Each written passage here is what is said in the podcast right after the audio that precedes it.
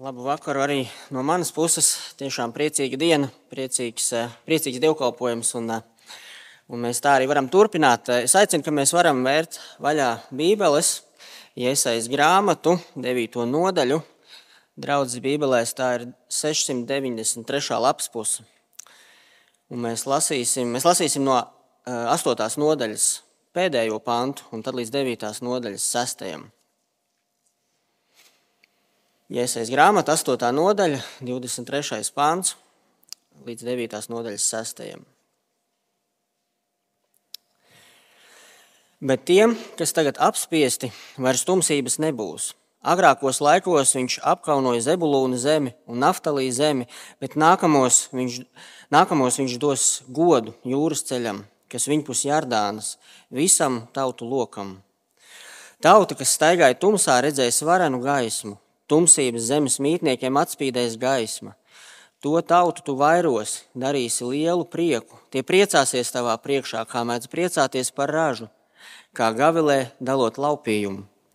To jūgu, ko tā nes, un nūju, kas tai uz pleciem, spieķi, kas rokā apspiestajiem, tu satrieks kā midiāna dienās. Visi tie zābaki, kas kaujā mīdās, un drānas, kas asinīs novārtītas, sadegs par barību ugunī. Jo bērns mums ir dzimis, mums ir dots dēls, vara uz viņa pleciem, un viņu sauks vārdā brīnišķīgais padomdevējs, varonis dievs, mūžīgais tēvs, miera princis. Pletīsies viņa vara, nebeigsies miers Dāvida tronim un viņa valstī, lai celtu to, balstītu to ar tiesu un taisnību no šī mirkļa uz mūžiem. Pulku kunga kvēle to paveiks. Āmen, tas ir Dieva vārds. Es uh, vadīšu mūsu īsā lūkšanā, un tad arī pārdomāsim šos vārdus. Kungs, mēs lasām, ka Tavs vārds ir dzīves, darbīgs un asāks par apus griezīgu zobenu, kas iztiesās sirdis, domas un nolūkus. Tādēļ tagad, kungs, kad esam lasījuši šādu Tavu vārdu un vēlamies to pārdomāt, es lūdzu palīdz mums to saprast. Lūdzam, lai tas dzīvi darbojas mūsos, un lai tas griež, kur vajag, un iztiesā mūsu domas un nolūkus, lai tie kļūst eh, mazāk paštaisni un vairāk ierauga gan šo paštaisnumu, bet tajā pat laikā tavu žēlstību. Palīdzi, kungs, draudzē klausīties un dzirdēt, un man skaidri, saprotam, bet vēl svarīgāk uzticami sludināt tavu vārdu. Jēzus vārdā to lūdzu. Āmen. Es gribu iesākt ar jautājumu par to, kas tev sagādā prieku. Par ko tu priecājies? Protams, kas no kuram tas ir? Kādam varbūt tie ir bērnu panākumi, kādam laba atzīme skolā, kādam tas varbūt ir labi paēst, kādam labi pacienāt, kādam aizbraukt ceļojumā, kādam kārtīgi izgulēties, kādam dienu pavadīt mierīgi mājās, siltās šķībās, kādam dienu pavadīt izdzīvošanas nometnē mežā. Kādam viss no iepriekš uzskaitītā, kādam nekas no iepriekš uzskaitītā, kādam viena kombinācija, kādam cita. Mēs kā draugi tiešām, tik tiešām esam priecīgi par kristībām, kuras tikko varējām redzēt un svinēt. Bet es domāju, ka jūs piekrisī, piekritīsiet, e, ja mēs dzīvotu tikai priekos, mūs arvien mazāk, arvien mazāk kas spētu iepriecināt, vai ne? Aiziet paēst restorānā, ja tavu ikdiena ir mājās, halātā pie plīts, būs daudz īpašāk nekā tam, kam tā ir ikdiena, vai ne? Nu, varam iedomāties tādus ekstrēmus uh, piemērus. Ja kādā Āfrikas ciematā prieku sagādā tīrs ūdens un maizes šķēli, tad mums.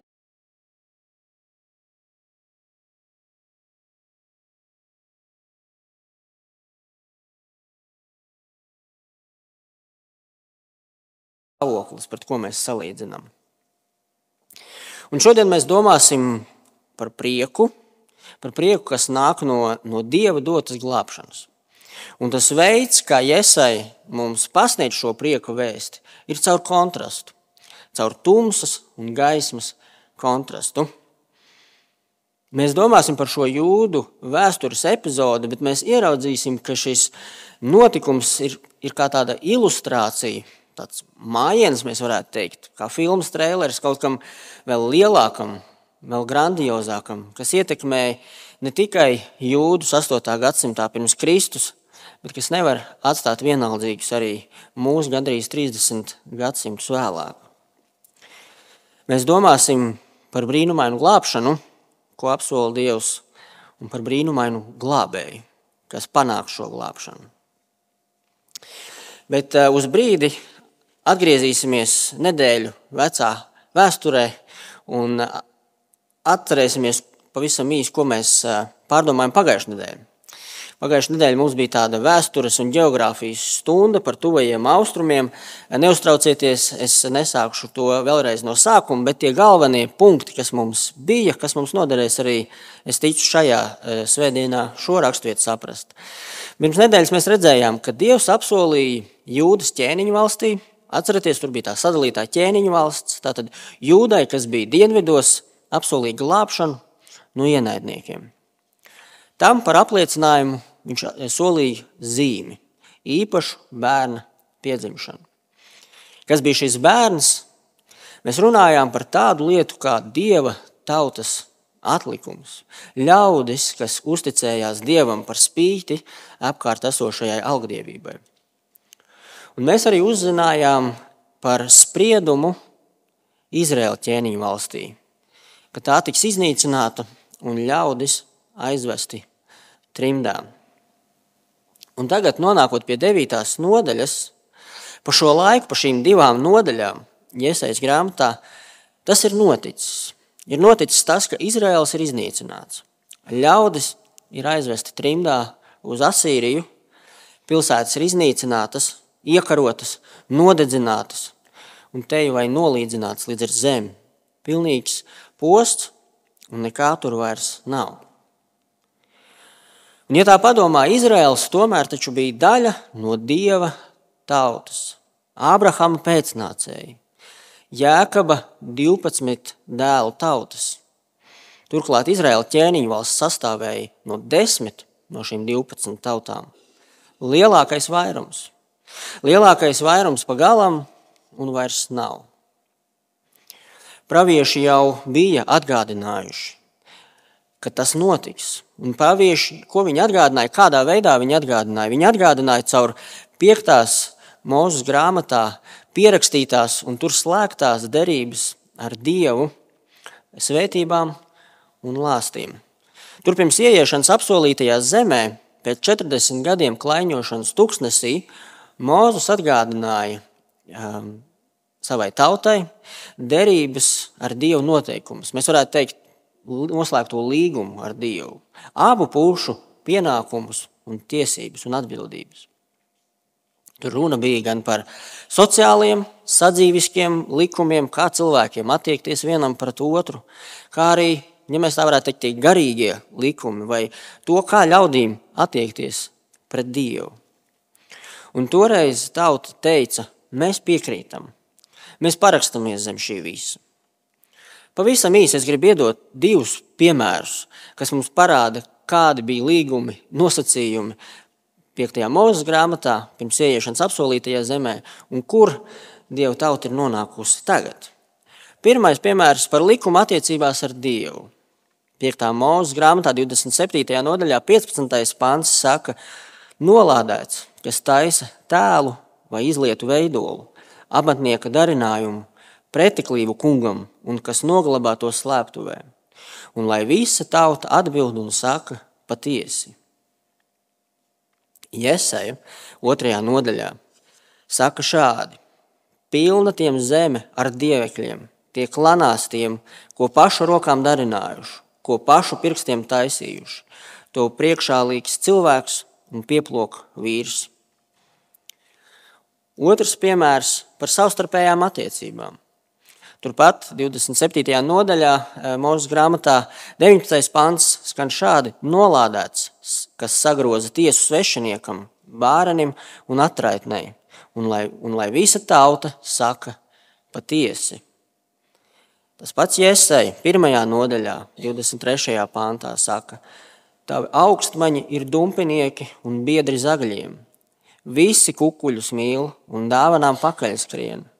Bāreni taisnīgi netiesā un atraitni nepārstāv strīdā. Un mēs varētu atrast vēl un vēl šādus pretstatus, piemērus, kas parāda, ko Izraels bija izdarījis, ko viņš bija pastrādājis, un ka Izraels ir vainīgs, tiešām vainīgs Dievu priekšā. Viņš nav turējis savu daļu. Pirms Izraela iznīcināšanas, kā jau teicu, pravieši jau gadu desmitiem bija sludinājuši, ka viņi, bet viņi abas ķēniņu valstis ir pārkāpušas savus derības pie, pienākumus. Un te Izraela vairs nav. Pats Jēsaja saka, tepat 8. nodaļas 17. pantā, es gaidīšu uz kungu, kas paslēpis savu vaigu no jēkaba nama. Es cerēšu uz viņu. Dievs ir novērsies no savējiem. Viņš ir iedarbinājis lāstu protokolu. Pēdējais pāns pirms šīs rakstu vietas 22. pāns uz zemi tie raudzīsies, redzi, nelaime, tumsa, tumsība, spaidi, tie tumsā ietriekti. Mēs varam iztēloties, kā jūda skatās uz šīm kūpošajām drupām un jautā, vai Dievs mūs ir pametis, vai Viņš mūs ir atstājis, vai mēs būsim nākošie. Un šādā brīdī Caur Jēzaju Dievs saka, ja atkāpjamies pussolīt no 22. pānta, redzi, nelaime, tumsa, tumsības, spaidi un tie tumsā ietriekti, bet tiem, kas tagad apspiesti, vairs tumsības nebūs. Pirmais pants, 9. nodaļā. Tauta, kas staigāja tumsā, redzēs varenu gaismu. Tumsības zemes mītniekiem atspīdēs gaisma. Dievs šajā pilnīgajā tumsā apsola gaismu. Bet kas tā būs par gaismu? Kā viņa izskatīsies? Aplūkosim, ko šī gaisma paveiks. Izlasīsim vēlreiz no 2. līdz 4. pantam. To tautu tu vairosi, darīsi lielu prieku. Tie priecāsies tavā priekšā, kā mēdz priecāties par ražu, kā gavilē dalot laupījumu. To jūgu, ko tā nes, un nūju, kas tai uz pleciem, spieķi, kas rokā apspiedējiem, tu satrieks kā midiāna dienās. Visi tie zābaki, kas kaujā mīdās, un drānas, kas asinīs novārtītas, sadegs par barību ugunī. To tautu, viņš iesaka, iesāka sakot, to tautu. Šeit runa ir par vienu tautu. Izskatās, ka tauta šeit vairs nav sašķelta, nav sadalīta dievu tauta. Ir viens vesels šo tautu tu vairos. Šeit ieskanas apsolījums Ābrahamam, kam Dievs sacīja, ka viņam būs pēcnācēji, kā jūras smiltīs un kā zvaigznes debesīs. Liels, liels prieks, tāds, kas rodas par savāktu ražu, par uzvarētu karu. Un gan raža, gan raža, raža savākšana, gan karš, abas šīs lietas raksturo pabeigtību. Kad raža ir ievākta, karš uzvarēts, tad ir miers, tad var priecāties. Kāpēc tā ies plašumā? Kādēļ pavairosies un kādēļ tā varēs būt tik priecīga? Mums 3. un 4. pāntiņā ir pazudis, pazudis tūkojumā vārdiņš jo. Šie pānti paskaidro, kādēļ būs šis prieks. Jo to jūgu, ko tā nes un nūju, kas tai uz pleciem, spieķi, kas rokā apspiedējiem, tu satrieks kā midiāna dienās šo tautu sagaida brīvība no apspiedējiem, brīvība no citas tautas jūga. Kas tās Midiāna dienas, kas tur notika? Midiāns bija tauta, kas tika sakauta soļa Gideona laikā. Ja atceraties, tad šī uzvara bija ļoti interesanta. Gideons tikai ar 300 vīriem naktī ielēca ienaidnieku nometni, un viņiem rokās nebija pat ieroču. Vienā rokā viņiem bija tauras, otrā krūzes, krūkas, kas bija uzlikts virsū degošām lāpām.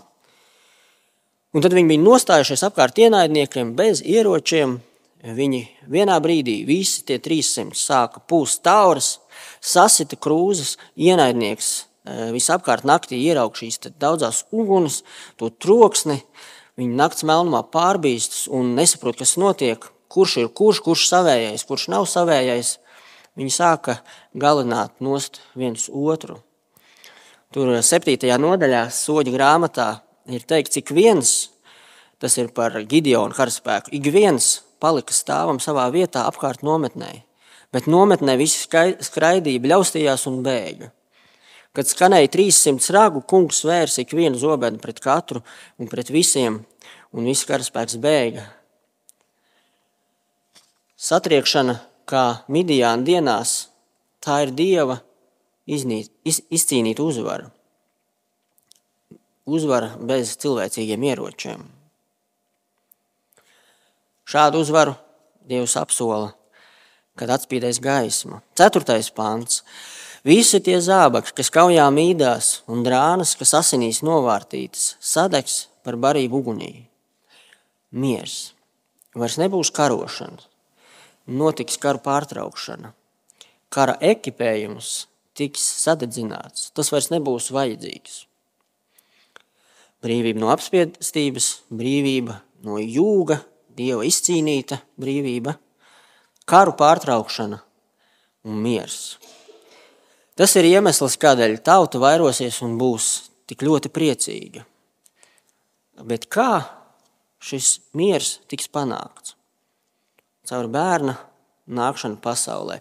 Bet nevis caur jebkuru bērnu, bet kāda īpaša un ļoti konkrēta bērna nākšanu pasaulē. Izlasīsim 5. un 6. pantu vēlreiz no iesaistas 9. nodaļas. Jo bērns mums ir dzimis, mums ir dots dēls, vara uz viņa pleciem, un viņu sauks vārdā brīnišķīgais padomdevējs, vadonis dievs, varonis Dievs, mūžīgais tēvs, miera princis. Pletīsies viņa vara, nebeigsies miers Dāvida tronim un viņa valstī, lai celtu to, balstītu to ar tiesu un taisnību no šī mirkļa uz mūžiem. Pulku kunga kvēle to paveiks.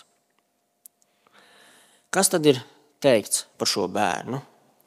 Vispirms mums ir jāpamana laiks, kādā tas ir rakstīts. Ievērojiet, bērns ir dzimis bērns ir dots. Mums ir dots dēls. Šeit nebūs nekāds vēsturiski kontekstuālais skaidrojums, tāda vienkārši nav. Šeit tik tiešām Dievs runā par nākotni, kādu bērnu nākotnē, kas visu to atnesīs, bet tāpēc, ka Dievs to runā, Dievs to pasaka, tas ir tik droši, kā jau noticis notikums. Tas nav atceļams, pilnīgi droši, kā mēdz teikt cieti. Otrakārt, mums jāierauga, ka dēls ir dots. Tas nav tā, ka tas vienkārši notika, un tad nu šis, nu, kurš nu viens no tiem daudzajiem būs, tas būs. Ne, viņš ir dāvana, tas ir konkrēts bērns. Bet arī tas bērna raksturojums un viņa daudzie vārdi ir ievērības cienīgi. Vara uz viņa pleciem, vara uz bērna pleciem vārds brīnišķīgais padomdevējs. Um, brīnišķīgs, vairāk ar to nozīmi par brīnumu. Mēs, mēs jau katru bērnu saucam par brīnišķīgu, bet varbūt ne katru, par katru mēs sakam brīnums. Padomdevējs, tāds gudrs, viszinošs, varonis dievs. Abi šie vārdi runā par spēku, par varu, par autoritāti. Mūžīgais tēvs, mūžīgs gan nākotnē, bet mūžīgs arī pagātnē. Miera princis, vecajā tulkojumā miera valdnieks.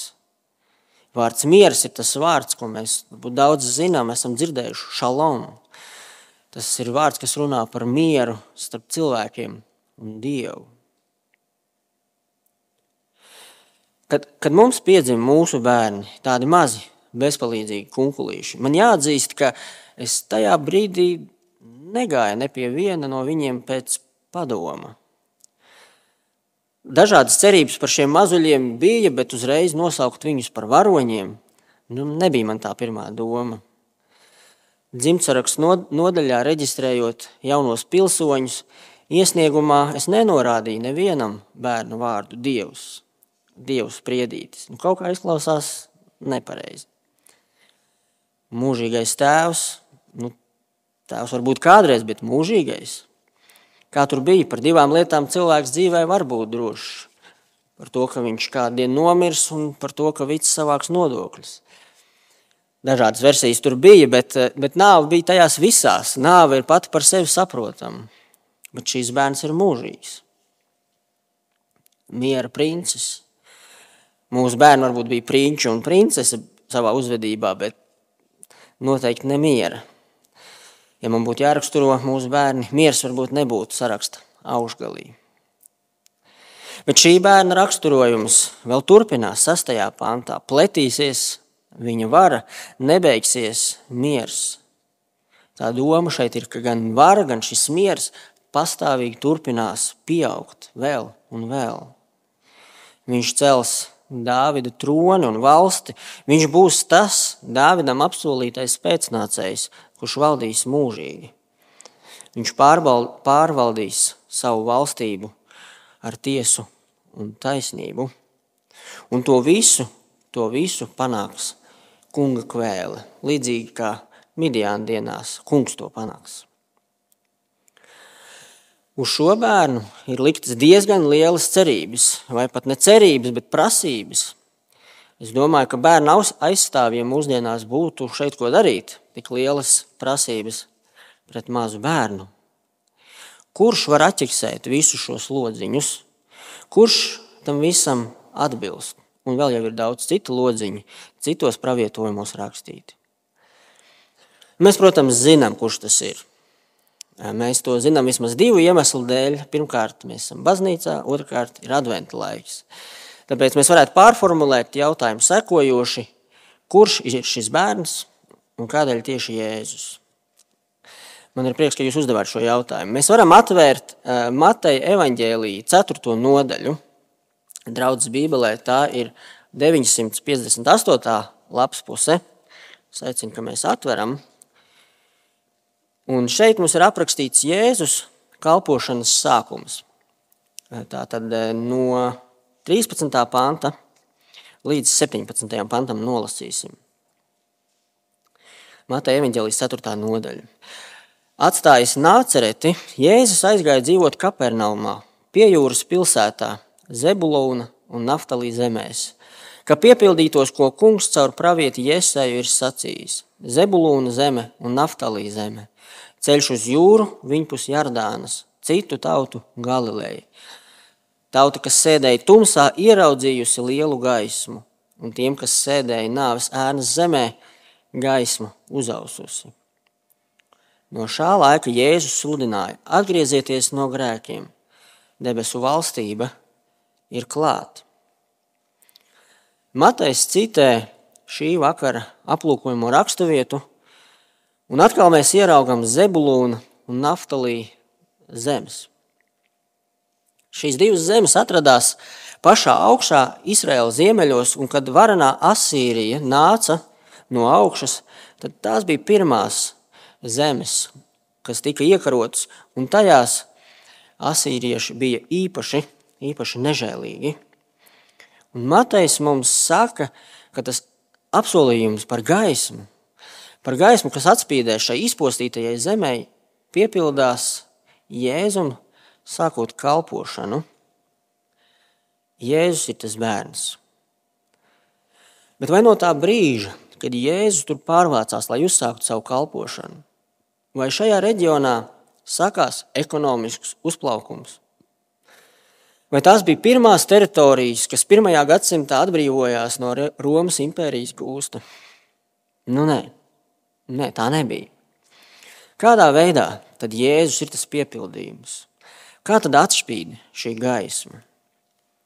Es jau ievadā teicu, ka Dieva tautas vēsture un visa vēsture, jau sākot no ēdienas dārza, tā ir kā tāds mājiens, nu nav īsti latviešu valodā tās vārds, kā to salīdzināt.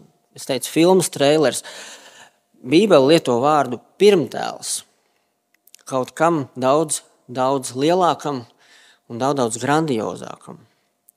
Un arī Zebulūna un Naftalīja zemes izpostīšana un apsolītā atjaunošana ir kā šis pirmtēls kaut kam daudz, daudz grandiozākam. Bet tas lielums un grandiozums iet abos virzienos. Gan labumā, bet arī sliktumā. Un es paskaidrošu, ko es ar to domāju.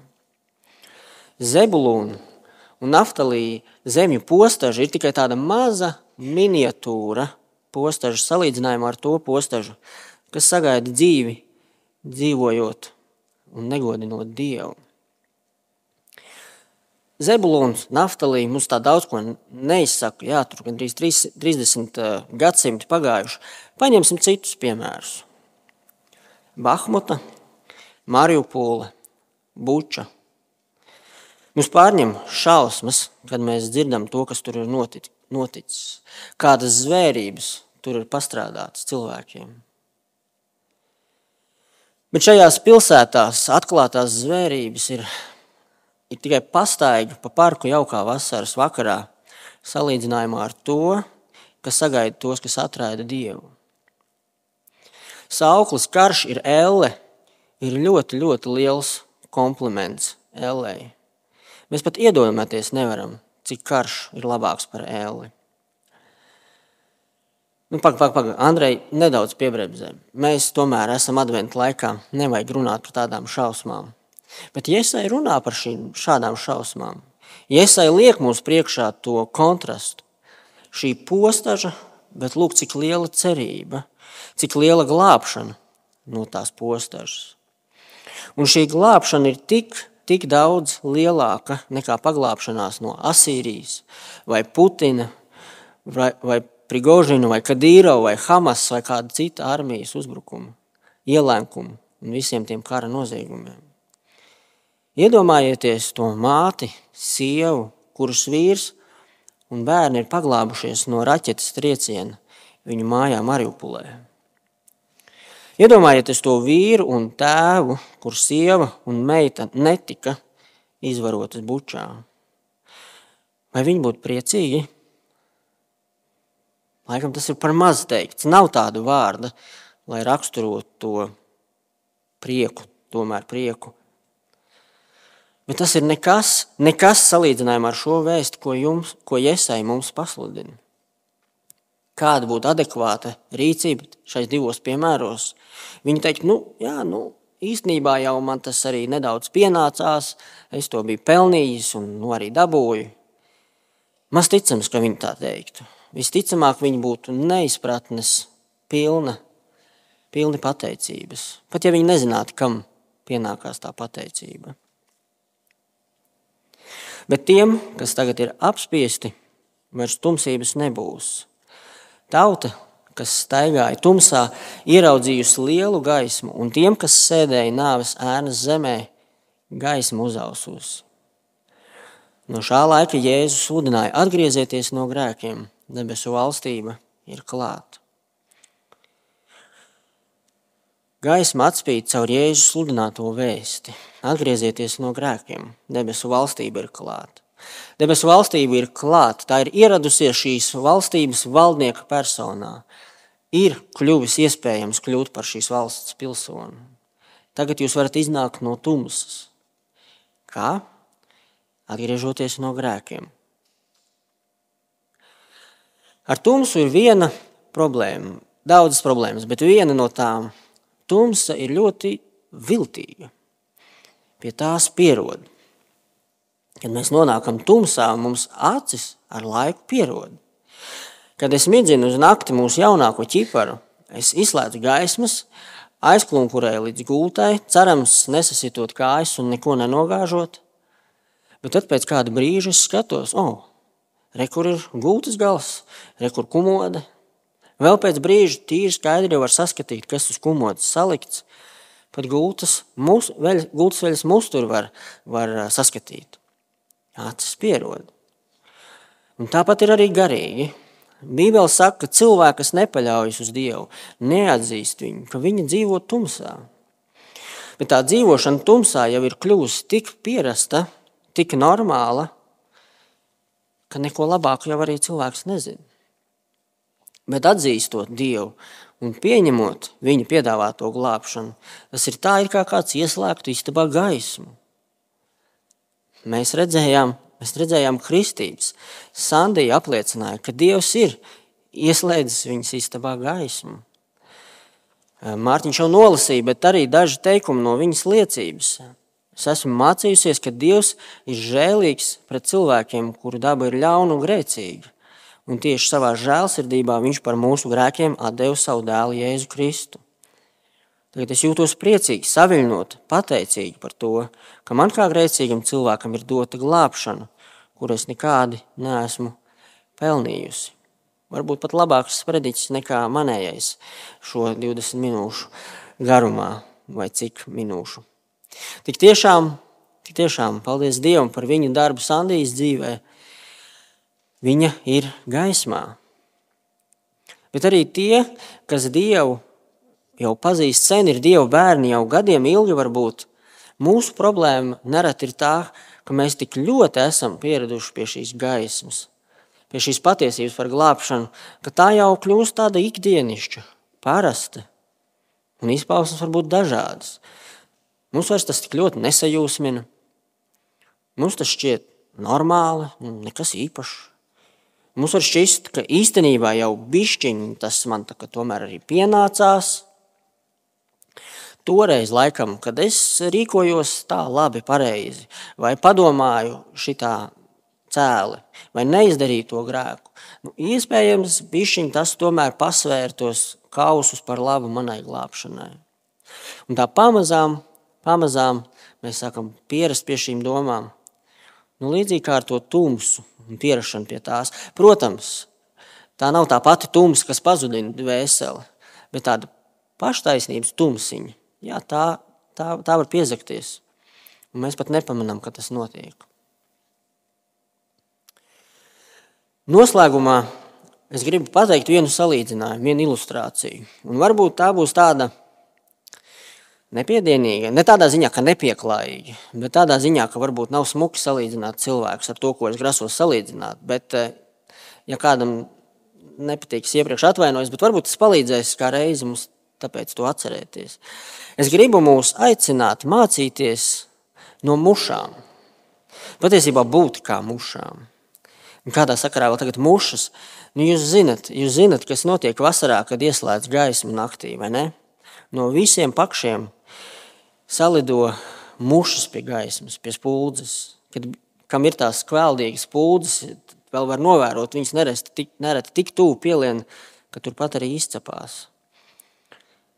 Mums jābūt tādiem. Redzot gaismu, neskatīties ne pa labi, ne pa kreisi, bet doties taisnā virzienā, to riņķot ap to gaismu, uz riņķi un riņķi ja vajag atsisties pret to gaismu, pat ja tas nozīmētu apdedzināšanos, gan jau nosvilinās kaut ko lieku un nevajadzīgu. Vēlreiz, kas tad ir šī gaisma? Tas ir bērns, kura piedzimšanu mēs svinam katru gadu decembrī. Dieva dēls, Jēzus. Un tad, kad esam sastapušies ar šo gaismu, šo bērnu, tad priecāties par to. Šīs raksturvietas īstenībā aicinājums un pamudinājums ir priecāties, prieks. Tu tautu tu vairosi, darīsi lielu prieku, tā priecāsies tavā priekšā. Kad tu esi sastapies ar gaismu, priecājies. Vai tu būtu sastapies pirmo reizi, vai dzīvo gaismā jau gadiem ilgi, priecājies par to. Priecājies, ka Dievs tevi ir ievedis gaismā. Āmen. Lūksim.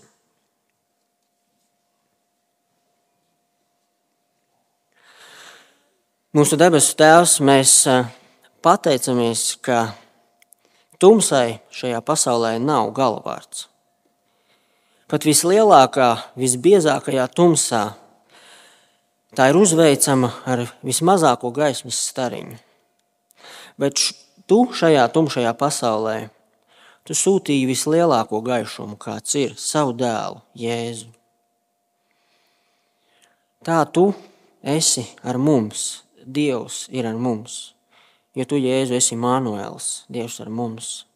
Es, kungs, lūdzu, es tev lūdzu par katru no mums, ka mēs tavu gaismu ar prieku uzņemtu un iegājuši gaismā, dzīvot tajā, ar pateicības un ar prieku pilnām sirdīm. Lūdzu, palīdzi mums to. Āmen!